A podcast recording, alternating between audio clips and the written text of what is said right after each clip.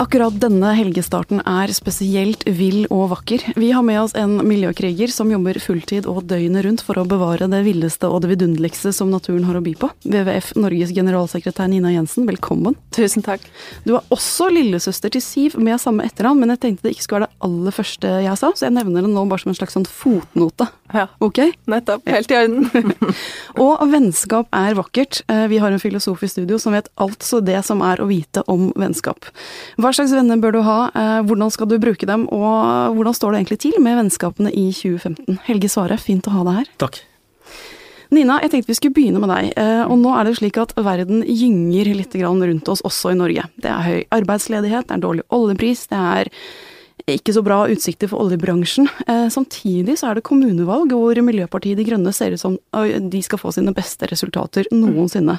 De kan bli det tredje største partiet i Oslo. Tror du at folk blir litt mer miljøbevisste i urolige tider? Ja, det kan du jo godt si. Og så har det jo vært eh, en tid da både klimaendringer har vært høyt på agendaen. Folk ser det også rundt seg, ikke bare i Norge, men rundt om i verden. Eh, Og den fallende oljeprisen har jo gjort at vi har hatt mye snakk om omstilling. eh, At samfunnet må endre seg. Vi må vekk fra fossil energi, olje, gass og kull, over til fornybar eh, energi, og satse på alle de såkalte grønne mulighetene som er litt hypen i debatten. Og det er klart det gjør jo at folk får litt annet forhold til, til klimaspørsmål, til miljøspørsmål, og ikke minst så ser man at det ligger også store muligheter i dette. Og jeg tror det bidrar til at eh, miljøpartier som f.eks. Miljøpartiet De Grønne får et, eh, et oppsving. Nå kalte jeg deg miljøkriger. Eh, Det jeg mener med det, er at som eh, generalsekretær i WWF Norge, da, så står du stadig på barrikadene. Du er en av de som mener mye og tydelig. eh, Av og til også sånn som ikke er så populært å mene. Eh, Og denne sensommeren så har du jo snakket om oljebransjen, men du har også eh, snakket om ulv. Du har markert deg som en ulvevenn. Får du da sinna reaksjoner for de som er ulvemotstandere der ute? Ja, i aller høyeste grad. Men det som er eh, spennende å merke seg i forhold til ulvedebatten, er at det er veldig høy temperatur på begge sider eh, av den kampen.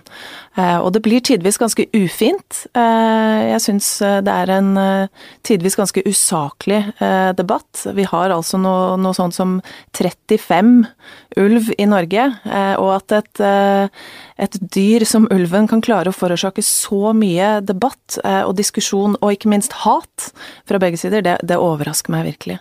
Og så er det sånn at nordmenn, altså Dere har jo gjennomført en spørreundersøkelse som viser at mange er positive til ulv. Og da er det kanskje litt annerledes hvis de spør om du vil ha ulv akkurat i ditt nabolag. Eh, hva er det som gjør at det blir så opphetet dette her? Er det en slags sånn kjærlighet til sau og frykt for det farlige som gjør at det bare bobler helt over?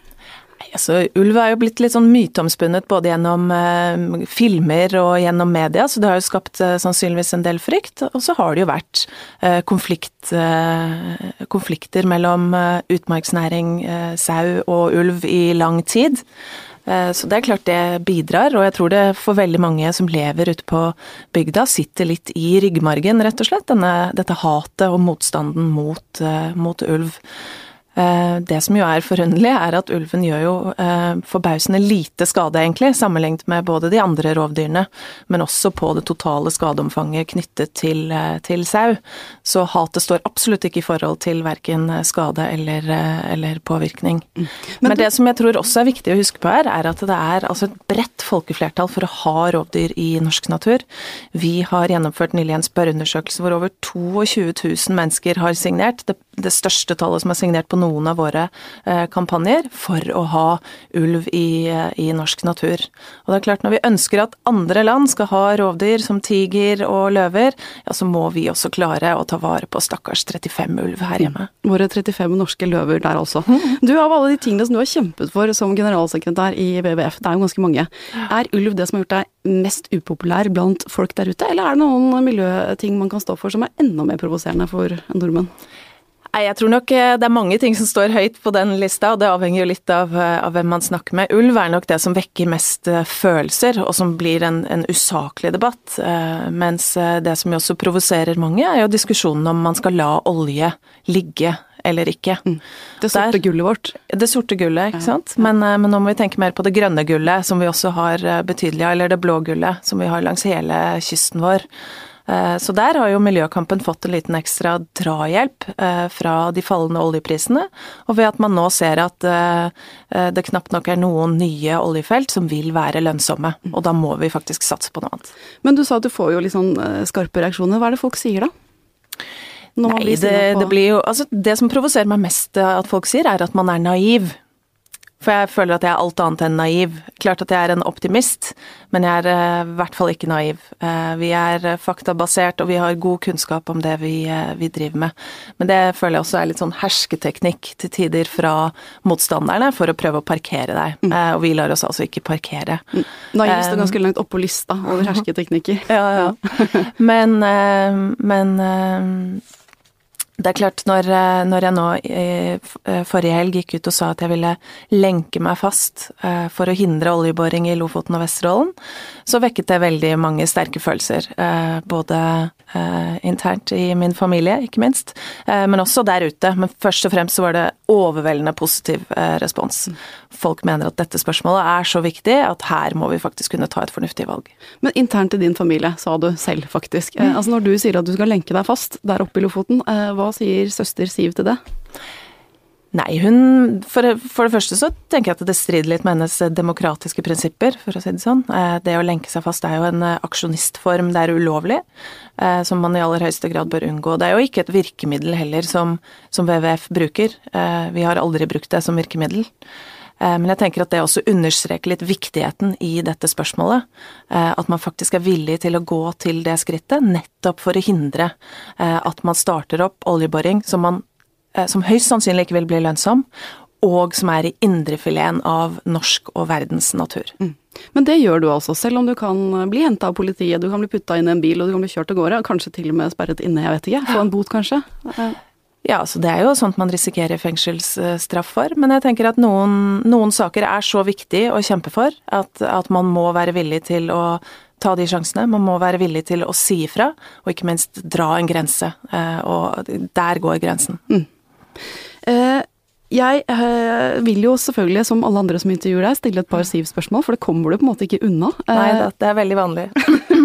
I april i år så ble Siv grillet av Stanghelle og Eilertsen i Aftenpostens To mot én, og hun fikk spørsmål om hun trodde at øh, klimaendringer er menneskeskapte, og hun svarte nei. Og i samme sak så kommenterer du øh, og sier at du vil understreke at enhver politisk leder som i dag slår, sår tvil om at klimaendringer er menneskeskapte, ikke gjør jobben sin som rollemodell. Mm. Når dere er såpass uenige i sak, du og storesøster Siv, eh, kan være såpass krasse, for det var jo en krass ting å si til henne. Mm. Hvordan går det da med vennskapet, eller søsterskapet, når dere møtes sånn utenfor rampelyset? Det går faktisk veldig fint. Eh, vi har jo lært oss å leve med disse ulikhetene, at vi faktisk har tidvis litt ulikt eh, syn. Og på mange måter så er det også en verdifull del av vårt vennskap og samhold. Så skal jeg ikke si at det ikke fører til utfordringer innimellom. Vi har også noen opphetede diskusjoner, og akkurat i forbindelse med denne saken så, så skal jeg jo si at jeg falt litt ned i et dypt sort hull. Eh, det var rimelig frustrerende og irriterende, men eh, hun fikk jo også tid til å eh, Eller mulighet til å gå ut og korrigere hva hun faktisk hadde sagt, og, og understreke at klimaendringer faktisk er menneskeskapt. Mm. Som, du ga henne et par tips på veien da, da, eller? Jeg prøver å gi mange tips eh, hele veien når man lytter til dem. Det er et, eh, et, et annet spørsmål. Men, eh, men, det som er ganske unikt, tror jeg, det er at vi er, vi er fantastisk gode venner. Vi, vi, snakker sammen hver dag. Vi gir hverandre gode tips og råd begge veier, på tross av at vi ikke er, er helt enige. Og det folk, andre folk tror jeg kan lære litt av dette, det er at man kan være dypt politisk uenig, man kan ha veldig store forskjeller, mene forskjellige ting, men man bør fortsatt ha respekt eh, for andre mennesker, og at andre mennesker har et annet syn enn deg. Mm. Eh, og det kan også bidra til å gjøre et vennskap mye mer spennende, fordi at man faktisk lærer noe om eh, noen som står kanskje på andre siden. Mm. For Jeg så nemlig at Siv da ble intervjuet i Dagbladet ikke så lenge etterpå. Så ble hun konfrontert med dette her, så sier hun ja, men du må huske på det, Nina og jeg, vi er bestevenner. Hun brukte mm. det ordet. Ja. Eh, og Helge, hvis jeg skal trekke deg som vennskapsfilosof inn i dette her, da, hva slags type vennskap vil du si at eh, du tror at Nina og Siv har da? Ja, det høres veldig ut som om de er eh, bestevenner, altså at det er et helt spesielt uh, nært vennskap. Sånne type vennskap som man ikke kan ha veldig mange av, mm. men Men eh, forhåpentligvis så har, har alle en eller to sånne, sånne, den type venner som du nå eh, snakker om. Mm. Men det er ikke sånn at du da må skru av en del av deg. Altså Hvis du og Siv er hjemme og lager la oss si tacos da en fredag, og skal ordentlig kose dere, er det sånn at du da må liksom la miljøkrigeren ligge, og hun må la eh, finansministeren og Frp-lederen ligge litt, og så snakker dere om andre ting? Ja, det, det gjør vi absolutt. Altså vi, vi, vi, går ikke på akkord med oss selv, men vi diskuterer ikke politikk på fritiden. Og det er jo også fordi eh, Siv driver med politikk døgnet rundt. Eh, jeg driver med politikk, men fra et litt annet eh, perspektiv døgnet rundt. Når vi da er sammen, så trenger vi en frisone, og da er det masse annet det går an å snakke om. Mm. Og Siv er for øvrig fantastisk flink til å lage mat, så når vi skal kose oss, så er det Siv som lager mat til meg. Nettopp. Det høres jo veldig bra ut. Den type vennskap må man ha. Um, Helge, vi har jo en sak på trykk i VG Helg uh, om moderne guttevennskap. Altså det er en gjeng med noen og 20-åringer i Drammen, DJ Broiler og hans vennegjeng, eh, som eh, viser hvordan kameratskapet betyr i grunn alt for dem. De er ikke så veldig opptatt av damer eller kjærlighet eller noe sånt, det er gutta som gjelder. Um, hva slags type vennskap vil du si at det er, da? Det første jeg har lyst til å si, det er at, eh, at uh, vennskap trenger ikke ha noe med, spesielt med kjønn å gjøre, altså gutter og jenter. Da jeg var tenåring, så var jeg med i Natur og Ungdom. Det var liksom den arenaen hvor jeg liksom fikk de fleste vennene mine på den, eh, på den tiden. Og der var det både gutter og jenter med, og jeg tror ikke vi tenkte på liksom det i det hele tatt. Altså, vi ble venner sånn Kanskje da litt sånn i kraft at vi hadde en felles sak eh, å, å jobbe for. Mm. Eh, men det er klart at noen ganger så er det veldig godt å være sammen med folk av sitt eget kjønn. Det er noe med at man har en del sånn felles uh, uh, erfaringer, felles interesse kanskje, som man kan liksom dyrke sånn ekstra heftig når man da liksom er sammen med andre med samme interesser og samme, samme erfaringer. Men altså, du skrev jo en bok, dette var i 2004, så det er en stund siden nå, uh, hvor du deler vennskap i kategorier. Man har nyttevenner, man har aktivitetsvenner, man har mm. hyggevenner. Mm. Mm. fortell meg først, hva er en nyttevenn? Altså det er en eh, klassifisering som går tilbake til eh, den greske filosofen eh, Aristoteles, og dette er veldig gammelt. Altså tror jeg ikke at det er sånn absolutte skiller der, men at vennskap kan liksom være mer eller mindre det ene eller det andre. Men det Aristoteles sier, da, det er at en, en nyttevenn det er en som du har primært fordi liksom han eller hun har noe som du er interessert i, og så er det liksom det samme den andre veien. Så bytter kjøpte man da eh, på en måte tjenester, kunne man si, hvis man skal være veldig sånn materialistisk.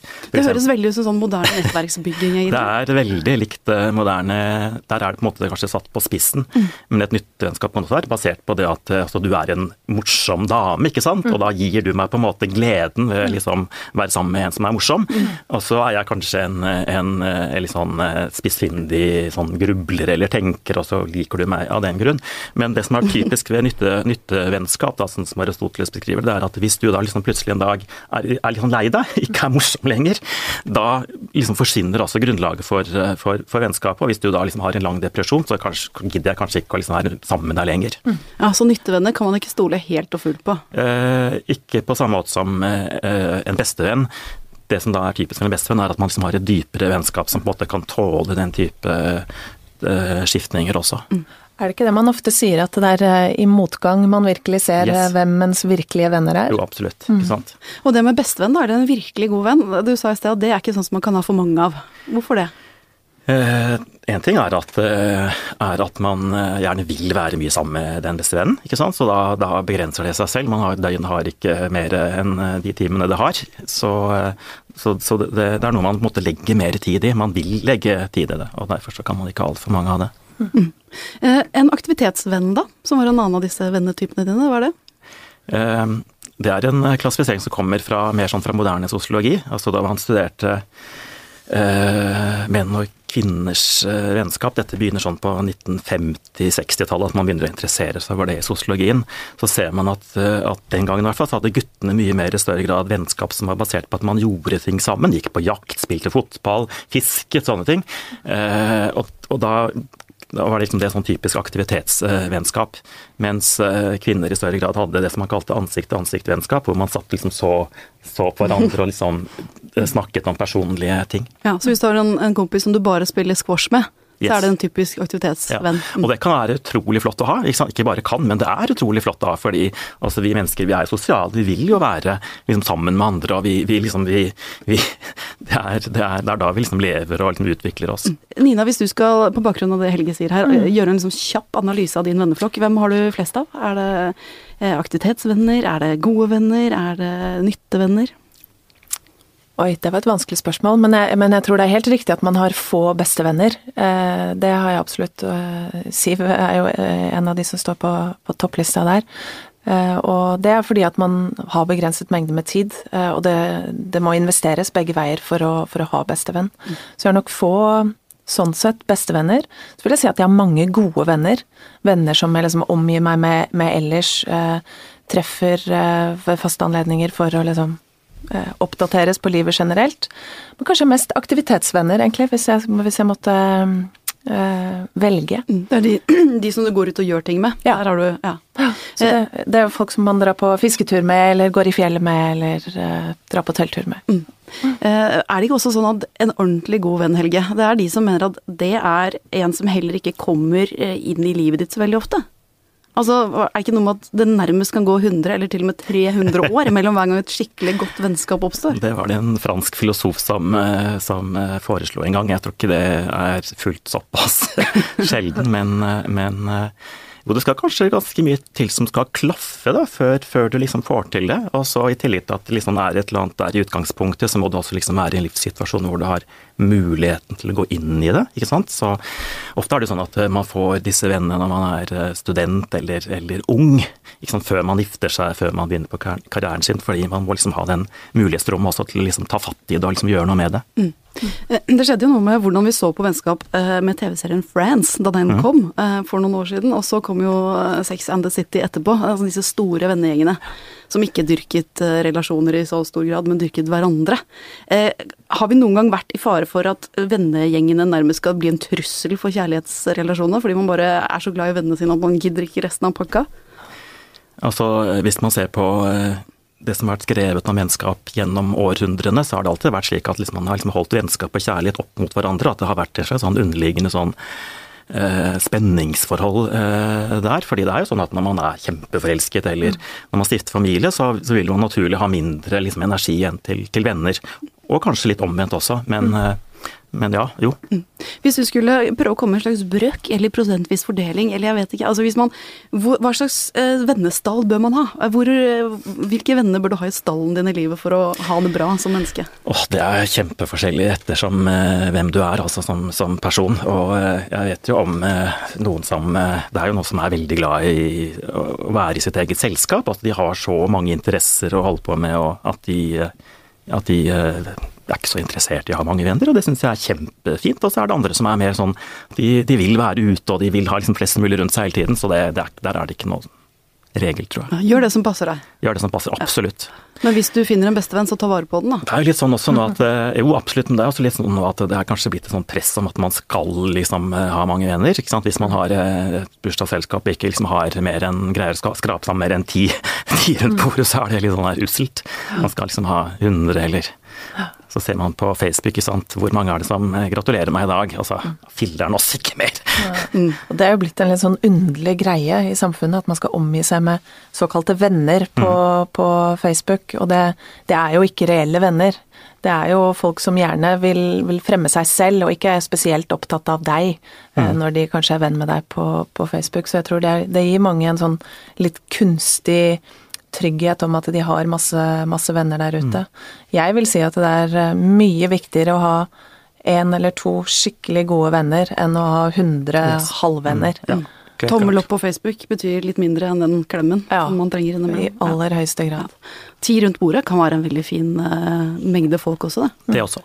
Uh, Helge, din helg, kommer du til å ha ti, tre eller fem rundt bordet, uh, eller har du andre planer for helgen? Det jeg vet nå, det er at vi skal på biltur. Eh, vi er fire stykker i bilen, og så skal vi kjøre opp til Toten. Og besøke Peder Balke-senteret der, fordi Peder Balke er en maler som, eh, som jeg syns er fantastisk. Og han har da liksom malt interiører på noen sånne bondegårder der, jeg vet ikke om dere vet det. Og man kan ja. komme inn og se på disse interiørene. Mm. Kunstopplevelse på deg også denne helgen. Nina, hva skal du? Du, jeg eh, er jo blitt med i et sånt eh, nettverk som du var inne på, eh, som heter Young Global Leaders. En gruppe med ekstremt spennende mennesker fra hele verden.